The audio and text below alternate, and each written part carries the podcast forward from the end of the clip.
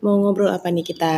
Hmm, kayaknya tentang praktek kali ya, pengalaman kita suka duka homeschooling. Oke.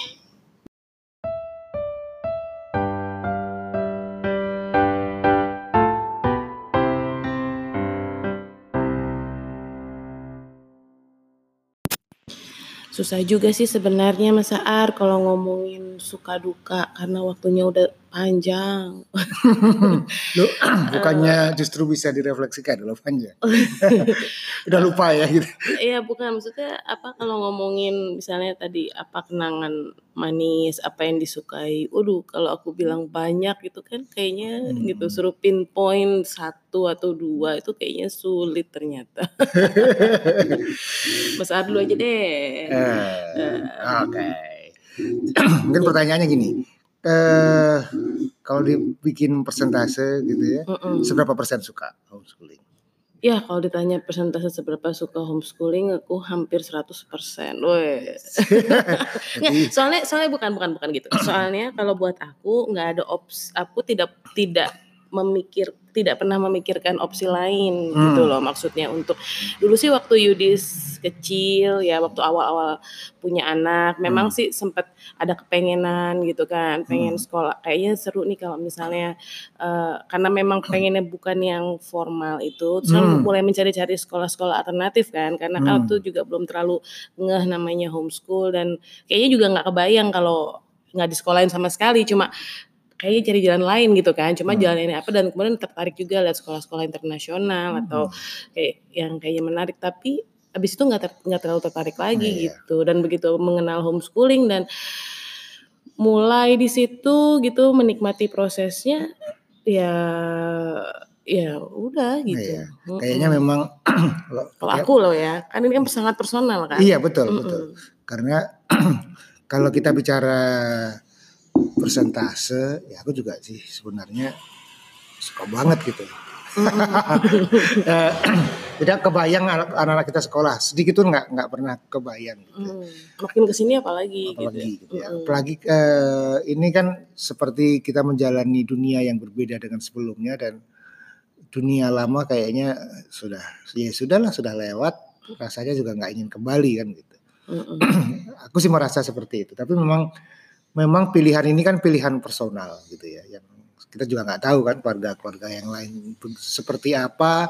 Tapi ya itulah keluarga kita. Kita sangat Ya, menikmati proses itu. mungkin juga karena pondasinya. Maksudnya gini, apa kita mulai dari awal sama sekali dari belum punya anak, maksudnya kepengenannya. Terus kemudian kita eh, apa masaan melakukan cukup banyak riset tentang itu dan Hmm. kemudian kita ngobrolin dengan banyak hal tersebut gitu membawanya ke alam Hmm. sadar dan em, ya menjalani hari-hari setelahnya gitu ya maksudnya Hmm. itu kan aku tuh soalnya gini mungkin tidak mengalami fase eh, before after maksudnya aku tidak mengalami fase pernah menyekolahkan Sebelum anak sebelum terus homeschooling gitu kemudian ya. heeh, terus kemudian ada homeschooling sehingga aku juga susah untuk memberikan apa pembandingan yang yang yang cukup fair misalnya gitu Hmm. dan aku memang nggak suka membandingkan sih cuma dalam arti buatku ini satu-satunya yang yang memang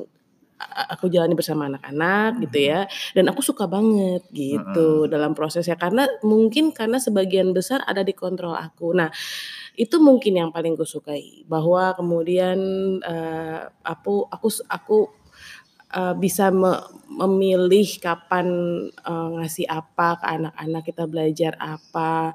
Eh, aku bisa lihat anakku lagi suka ini terus kemudian itu yang dipelajari. Hmm. Eh, fleksibilitas itu sepertinya yang yang paling aku suka dari dari homeschooling Iya, gitu. Walaupun fleksibilitas itu juga melekat bersama tanggung jawab ya. Jadi tidak ada masalah untuk kemudian ya, ya, itu aku memilih untuk me- me- kalau ibaratnya eh, apa namanya it- bayarannya adalah itu ya nggak apa-apa gitu. Karena Hmm. fleksibilitas itu buat aku eh, ternyata itu yang paling aku suka gitu. Dan ya kenangan manisnya itu ya eh, hampir di setiap stage ada. Tapi tentu saja anak-anak kecil itu kenangan manis karena eh, di saat masih bisa apa ya em, kerasanya itu adalah ketika kita masih bisa memberikan sesuatu yang kemudian mereka pelajari gitu ya atau Hmm. kemudian misalnya bikin-bikin terus uh, field trip uh, percobaan-percobaan kan sekarang udah gede-gede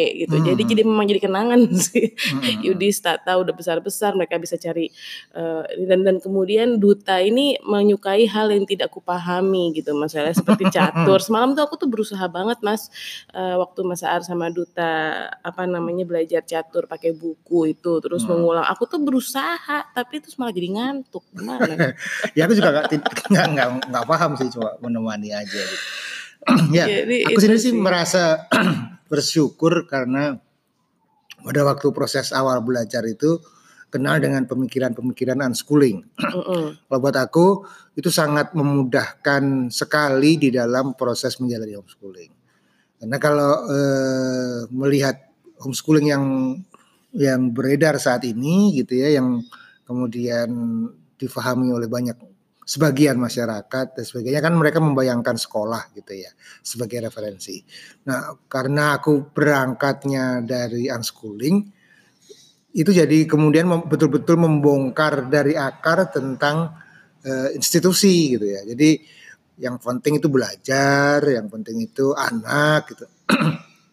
Struktur dan proses-proses kegiatan itu bisa menjadi eh, sangat sangat fleksibel gitu. Itu sih yang aku tangkap dari proses unschooling. sama dong berarti fleksibilitas Iya, eh, fleksibilitas, ya fleksibilitas itulah yang yang paling paling eh, aku nikmati dari Hmm. proses eh, homeschooling yang kita jalani gitu.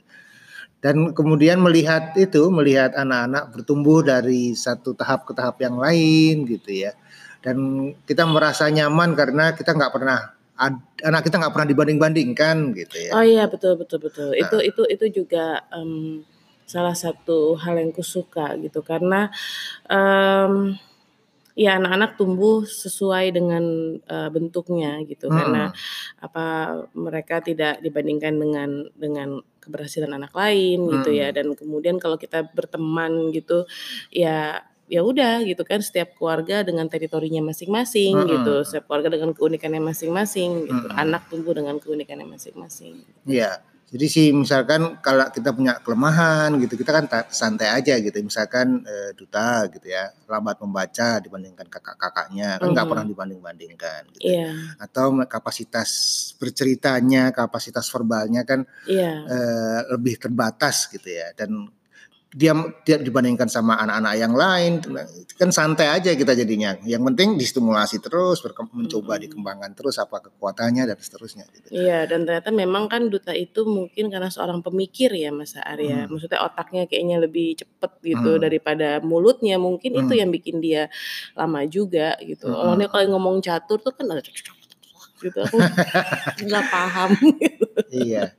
Ya, ya secara umum sih itu yang kemudian eh, membuat aku merasa ya nyaman gitu ya. Mhm. Juga melihat eh, apa ya potensi anak-anak bisa berkembang betul-betul sesuai dengan dengan arahnya. Ganti-ganti pun nggak masalah gitu. Ada orang yang bersalah mempermasalahkan kenapa ganti-ganti dan sebagainya tidak menekuni dari awal ya, ya it's- it's pilihan lah. Itu pilihan, ya. dan dan dan ya sah-sah saja. sah-sah gitu saja ya. ada Iya. orang tua yang kemudian bersikukuh anaknya harus bertekun sejak dini Berte- eh, bertekunnya sih kami sepakat gitu ya. tapi Mm-mm. kemudian eh, kesempatan untuk mengeksplorasi dunia itu kalau buat aku itu penting gitu ya sebelum akhirnya mereka landing di sebuah titik tertentu yang yang Iya, lebih karena kita juga nggak ada yang dikejar sih. Kita nggak Hmm. ada eh, harus ya, berprestasi harus umur di sekian umur sekian kemudian sudah bisa ini bisa apa. punya penghasilan dan sebagainya kita kan nggak punya target apa pun Iya. gitu ya. Dan itu ini sangat sangat sangat eh, apa sangat keluarga kita ya gitu. Jadi Mm-mm. maksudnya setiap keluarga itu punya hak untuk eh, mempunyai targetnya masing-masing Mm-mm. gitu ya. Seperti yang kita sudah obrolkan di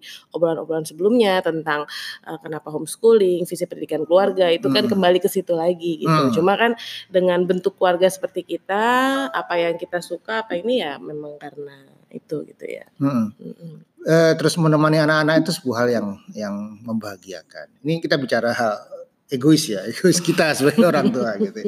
Aku masih ingat kenangan manis bersama Yudis itu yang ngobrol apa aja gitu yang dia kan penuh dengan pertanyaan, penuh dengan keingintahuan, diskusi apa aja kan gitu ya. Mulai dari teknologi, filsafat dan sebagainya. Mengingat itu tuh waktu dia pulang acara sampai di rumah setengah sebelas gitu ya. Terus wah meluap-luap dengan Kebahagiaan. semangat kebahagiaannya. Terus ngajak ngobrol terus gitu sampai setengah dua gitu. Wow itu buat aku kenangan yang yang manis sekali buat buat uh, aku dalam proses homeschooling yang dijalani. Jadi sebuah kemewahan gitu ya. Kemewahan karena bisa bersama anak-anak menemani anak-anak terus mereka ngobrol bisa bercerita apa saja dan mempelajari apa saja gitu itu itu betul-betul luxury gitu ya. Iya. Iya, aku kan, juga. Iya, kemudian sih melihat mereka bertumbuh gitu kan, kan bukan hanya kemudian bebas gitu ya, tapi kita juga melihat anak-anak kita skillnya bertumbuh gitu ya, jadi dapat kesempatan magang, tata dengan art, dengan kemampuan teknologinya juga berkembang gitu ya, juga duta gitu ya, itu membuat ya ya, oh, ini, ini seru gitu, walaupun memang Eh, kadang-kadang aku merasa eh, selalu di dalam apa ya di dalam kondisi ketidakstabilan gitu ya. Ketidakstabilan itu eh, selalu melihat ini ini sudah optimal belum ya gitu bener ya. nggak ya, ya bener nggak ya Maksudnya gitu bukan bener jalan homeschoolingnya hmm, tapi kalau, prosesnya kalau pilihan homeschooling sih sudah pasti mm -mm. ya dalam artian nggak ada nggak ada opsi yang lain proses gitu. kesehariannya mm -mm Hmm, apakah proses keseharian sudah optimal gitu ya. Hmm. Jadi seperti yang yang paling aktif saat ini kan duta karena yang dua udah selesai. Iya, yang dua udah selesai. seperti Tata pun sebetulnya kita sudah selesai dalam artian udah ngobrol aja ya udah, proses belajarnya materi belajarnya betul-betul dipegang sendiri oleh dia. Kalau dia mau persiapan ujian ya dia sendiri. Kita kan nggak ngurus sih sama sekali. Jadi ingat kemarin persiapan dia cari sendiri ngeprint sendiri iya sendiri. gitu. paling kalau ada masalah ngobrol gitu. Ngobrol gitu, kamu tahu nggak? Nggak tahu gitu. terus kemudian diskusi sebentar terus cari-cari bersama informasinya. Paling menemani proses-proses seperti itu kan yang akademis. Yang non akademis pengembangan diri lah. Sudah sudah iya. jauh sekali. Kita cuma ngobrol tentang apa apa rencanamu, tantangannya apa gitu. Terus kalau kita punya kita support. apa yang kita support, kalau kita punya merasa kita merasa ada hal yang kita concern, kita concern kita, atau ada tawaran yang yang menarik yang menurut kita selaras sama dia ya kita kita tawarkan. Tapi paling sebatas itu. Tapi itu pun uh, keputusannya ada di tangan Tata gitu. Mm -hmm. Mm -hmm. Jadi sudah selesai, udah pasti kan gitu. Ya, tinggal mm -hmm. duta. Duta dengan caturnya itu eh, ini kan pilih kalau buat aku pilihan-pilihan antara eh, pertama secara strategis adalah me membangun karakter dia, mm-hmm. membangun karakter dia menggunakan catur sebagai alatnya. Tapi kan juga eh, di sisi teknis teknis uh, proses belajarnya ini aku masih mikir-mikir apakah dia akan jadi pecatur profesional ya menjadi seorang atau ini master atau ini adalah alat alat kita untuk menghantarkan duta terhadap perkembangan logikanya hmm, apa kemampuan taktik taktik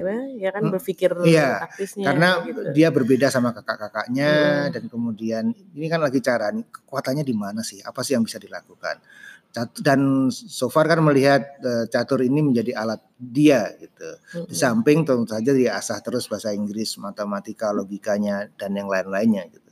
Iya, tapi kalau berkaca dari pengalaman kita bersama Yudis yang kemudian uh, sangat grafis, terus kemudian sangat teknologi, hmm. terus habis itu dia tiba-tiba senang hal-hal yang berbau uh, apa namanya? Hmm, apa filsafat, filsafat ternyata makro, dia kemudian betul. lihat uh, ekonomi makro itu kan uh, ya berarti kita juga harus siap gitu kan untuk hmm. kemudian perubahan di usia tertentu begitu kita masuk remaja tiba-tiba dia menyukai sebuah hal yang berbeda hmm. gitu kan yeah. hmm kalau aku sih bercermin dari pengalaman hidupku sendiri sih. Jadi kenapa kita bersikap longgar dan aku me, me, apa, memberikan ruang yang besar pada anak-anak. Karena kalau aku bercermin dari pengalaman hidupku kan juga memang lebar ya, lebar minat yang apa yang ingin dipelajari, eh, bidang-bidang yang ditekuni, ya mulai dari eh, SD, SMP, SMA kan memang nggak ada pilihan lain kan waktu kan sekolah gitu ya. Dan ya memang goalnya memang dorongannya untuk belajar dengan baik jadi juara gitu kan akademis lah gitu ya tapi di waktu SMP itu kan aku aku main banyak sekali gitu ya. Ikut unit basket pramuka osis gamelan tenis meja macam-macam gitu. Yang kemudian uh, aku suka semua teater bahkan sempat jadi asisten ngajar teater segala waktu SMP gitu. Atau kemudian waktu SMP itu apa jadi gila gitu ya. Mm. yang kemudian apa uh, jadi belajar apa belajar teater dan sebagainya. Itu itu buat aku menarik dan itu semuanya berkontribusi terhadap hidupku gitu.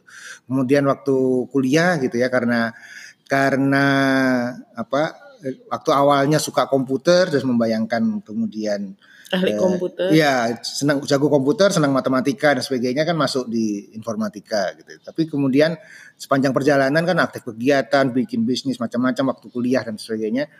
Eh, dan merasa oh bukan ini ini bukan aku gitu ya.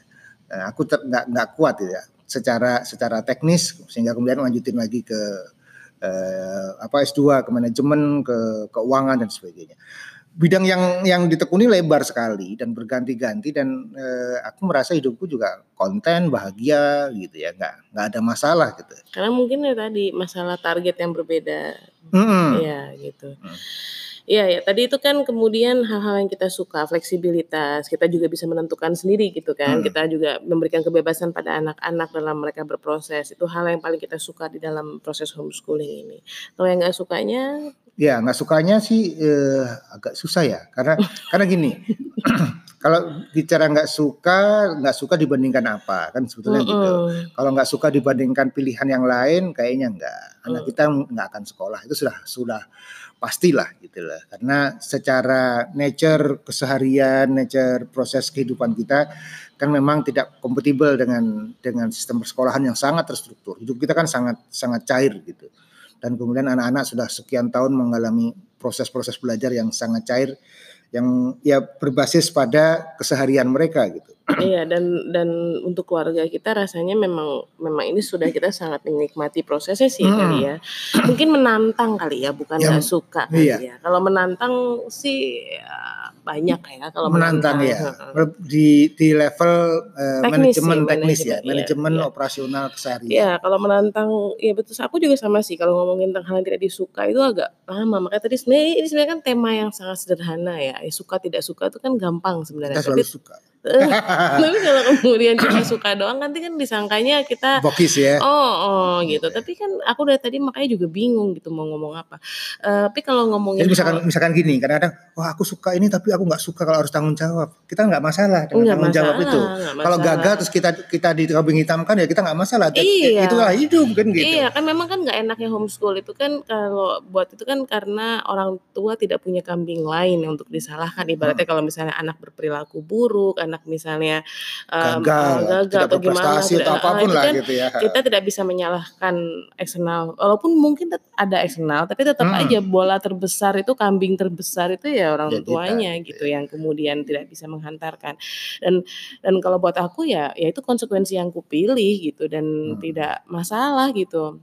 Iya. Uh, apa namanya itu titik itu. Terus kemudian mengenai tadi tanggung jawab berarti apa sibuk lah lebih lebih harus apa extra mile dengan anak-anak. Itu juga aku nggak masalah. Aku gitu. rasa itu tidak sebanding dengan kebahagiaan yang yang, yeah. yang aku dapat gitu ya. Jadi kerja keras, oh, terus kemudian bersedia menanggung risikonya, hmm. itu bagian yang melekat dari keputusan homeschooling dan yeah. kita nggak keberatan dan tidak merasa itu sebagai Bukan, sebuah masalah yeah. gitu. Tapi kan mungkin yang ada adalah tantangan hmm. gitu ya. Kalau buat aku tantangan terbesar dalam homeschooling itu manajemen waktu gitu. Manajemen waktu uh, apa namanya antara proses homeschooling anak-anak terus kemudian dengan apa namanya pekerjaan di rumah dengan hmm. dengan sebagai profesional gitu ya pekerjaan hmm. khususnya di dunia profesional terus kemudian dengan um, ya hal-hal di luar itu juga gitu. Itu hmm. manajemen waktu sih. Itu itu paling menantang dan selalu menantang kayaknya. Ketika anak anak-anak bayi menantang karena mereka tak berdaya gitu hmm. kan dan kemudian ada ada ada sosok yang sangat membutuhkan kita gitu kan yang membutuhkan ibunya misalnya untuk selalu dan itu itu sangat menantang kan ngebalance misalnya uh, punya anak bayi tapi ada kakaknya yang lagi semangat homeschool hmm. gitu hmm. kan terus mau bikin-bikin sama kakaknya tapi adiknya nempel terus nah itu kan itu challenge gitu hmm. nah. tapi tapi itu bukan tidak disuka gitu hmm. loh itu itu cuma tantangan gimana bisa melewati hari dengan, dengan baik iya karena uh, mindset ini ya kita sih nggak kita apa ya kita kalau bicara kesukaan nggak yang nggak suka itu kesukaan kita bisa sangat definisikan gitu ya Mm-mm, apa begitu yang suka. begitu yang nggak suka bahkan dalam keseharian saja kayaknya kita Iya paling susah iya, menantang itu kalau buat aku menantang. Dan menantang itu kalau buat aku manajemen waktu menantang. Terus kemudian yang menantang itu adalah eh, apa menemukan apa yang lagi pintu masuk belajarnya anak. Hmm. Jadi misalnya karena kan pintunya banyak, mana Hmm. man- mana yang mau dipilih gitu loh, Hmm, kata hmm. supaya tidak berpindah-pindah karena itu kan Hmm. bagian dari effort juga, manajemen effort eh, energi keseharian gitu ya. Hmm. Itu itu eh, pada akhirnya sih mungkin self management kali. ya. iya self- Eh, secara teknis kan sebetulnya kita tidak masalah. Kita sudah sekian belas tahun menjalani dan eh, tapi tetap saja kan tantangan berbeda sehingga lebih ke mental ya mungkin ya. Eh, apa ya? Eh, ya misalkan dalam konteks duta gitu yang memang eh, sedang kita jalani gitu ya. Yang menantang kan memang eh, ya pasti ketekunan ya. Bagaimana membangun ketekunan dia, kerja kerasnya. Karena kan kalau kita bicara tentang pembelajar mandiri, kita belajar tentang bagaimana membangun eh, etos bekerja, belajar dan sebagainya, ya sudah terbangun iya gitu ya. Tetapi kan masih masih longgar, belum cecek berdiri sendiri kan gitu. Iya, Hmm. tapi sih kurasa selama anaknya masih dalam proses bertumbuh ya pasti rasa itu akan selalu semakin selalu ada di setiap Mm-mm. stage kehidupan anak pasti kita akan merasa em, selalu menemukan tantangan baru gitu. Ketika kemudian anak masuk masa remaja tantangannya berbeda. Iya. Eh, anak mulai kuliah tantangannya beda lagi gitu. Mungkin nanti anak mempunyai calon istri atau suami kita Hmm. akan mengalami tantangan yang beda lagi gitu. Jadi em, ya kalau buat aku sih itu sih sukanya aku suka banget. Aku eh, fleksib apa Fleksibilitas. fleksibilitasnya itu aku suka. Eh, aku anak-anak tidak dibandingkan dengan anak yang lain ya. Hmm. Iya, yang nggak suka mungkin ujian paket. Oh iya bener. Oh Iya. Betul. Kayaknya itu ya. Yang Jadi ini proses betul mengintegrasikan. betul betul betul betul. Aku su aku kata yang aku tidak suka dari homeschool adalah karena tidak adanya sistem yang bisa em, memfasilitasi anak-anak untuk bisa ujian dengan cara Yang yang, sederhana. sederhana, yang memang sesuai dengan eh, ah itu kan tapi di luar kita. Iya. Eh tapi itu kita nggak suka ya. Iya, Iya. kita nggak suka. Kita Hmm. nggak suka. Eh, sebetulnya sih ada pilihan nggak pakai ijazah. Sebetulnya sih ada sih. Tapi kan kita memilih memilih untuk eh, sebagai Ya, ya, ya, ya. Dan itu akhirnya memaksa anak-anak ah. untuk eh, apa namanya belajar untuk ujian gitu ya. Hmm. Padahal anak-anak tuh kan biasa terbiasa belajar untuk apa dalam kehidupan untuk survive dalam kehidupan dan tiba-tiba ada sebuah momen dalam kehidupan mereka karena eh, mereka harus ikut ujian, terus Hmm. kemudian ujiannya em, oh ya mungkin karena gini karena tadinya waktu zaman Yudis itu masih boleh eh, ujian yang apa Langsung persiapan ujian. yang langsung ujian makanya aku kenangannya nggak terlalu buruk gitu Tata Tata itu baru di antara nah Duta sih ya yang kita baru hmm. eh, Jadi ada apa, harus harus Iya. eh, apa dapodik sehingga kita itu. sendiri nggak nggak tahu gitu ya apakah kita akan jalani Eh, proses eh. ini ujiannya dan sebagainya Hmm, gitu. apa apa duta nggak usah pakai ijazah aja Hmm, hmm, hmm. Ya. ya sih kayaknya itu oh iya iya iya, betul betul betul betul tapi mungkin karena Karena kita menganggapnya itu hal yang yang nggak terlalu penting gitu ya, bukan fokus proses homeschooling Heeh, kita, kehidupan kita ya, masuk. ya sudahlah. Tapi tadi nggak inget ya tentang itu. ya karena kita nggak menganggapnya sebagai hal yang penting, karena kita betul-betul sehari-hari ya fokus ya kalau pada misal ya. proses anak, pengembangan mereka, pengembangan karakter, skillnya, yang Ya, lain-lainnya kan. dan aku punya keyakinan kalau manusia itu akhirnya gitu, apalagi di masa depan itu akan dinilai berdasarkan manusianya, berdasarkan Mm-mm. kapasitasnya, bukan dengan ijazah gitu. Eh, akan ada cara lain penilaian terhadap kapasitas seseorang yang beyond ijazah dan aku sangat Hmm. yakin itu gitu loh. Sehingga mungkin eh, ya ya kalau sekarang kita memberikan ya karena mungkin katanya kan masih masih dunianya masih membutuhkan ijazah dan kemudian Hmm. kita memberikan bantalan kan itu adalah hak bagian dari haknya anak ya oke lah gitu ya tapi tapi itu ada di bawah gitu loh maksudnya Hmm, bahwa prioritas yang nggak terlalu penting ya. Mm-mm, ya, ya gitu kadang-kadang terganggu sedikit, tapi ya sebetulnya ya, gambar besarnya sih kalau masalah kata gitu. memang dipersulit banget dan kemudian emang susah sekali gitu ya ya sudah Hmm. gitu Em, ya itu fleksibilitas ya Mm-mm. Itu sih ya. Hmm, Heeh. untung Jadi- kamu ingat. Kalau kita nggak fair nanti sama para pendengar gitu. Iya, jadi, iya. jadi memang eh, ini sangat personal ya. Jadi betul-betul konteks Mungkin kalau nanti bertanya dengan keluarga homeschooling lain juga jawabannya pasti akan berbeda lagi gitu. Iya. Oke. Oke, Iya. sampai ketemu lagi di ngobrol bareng Rumah Inspirasi yang lainnya. Nah. Oh.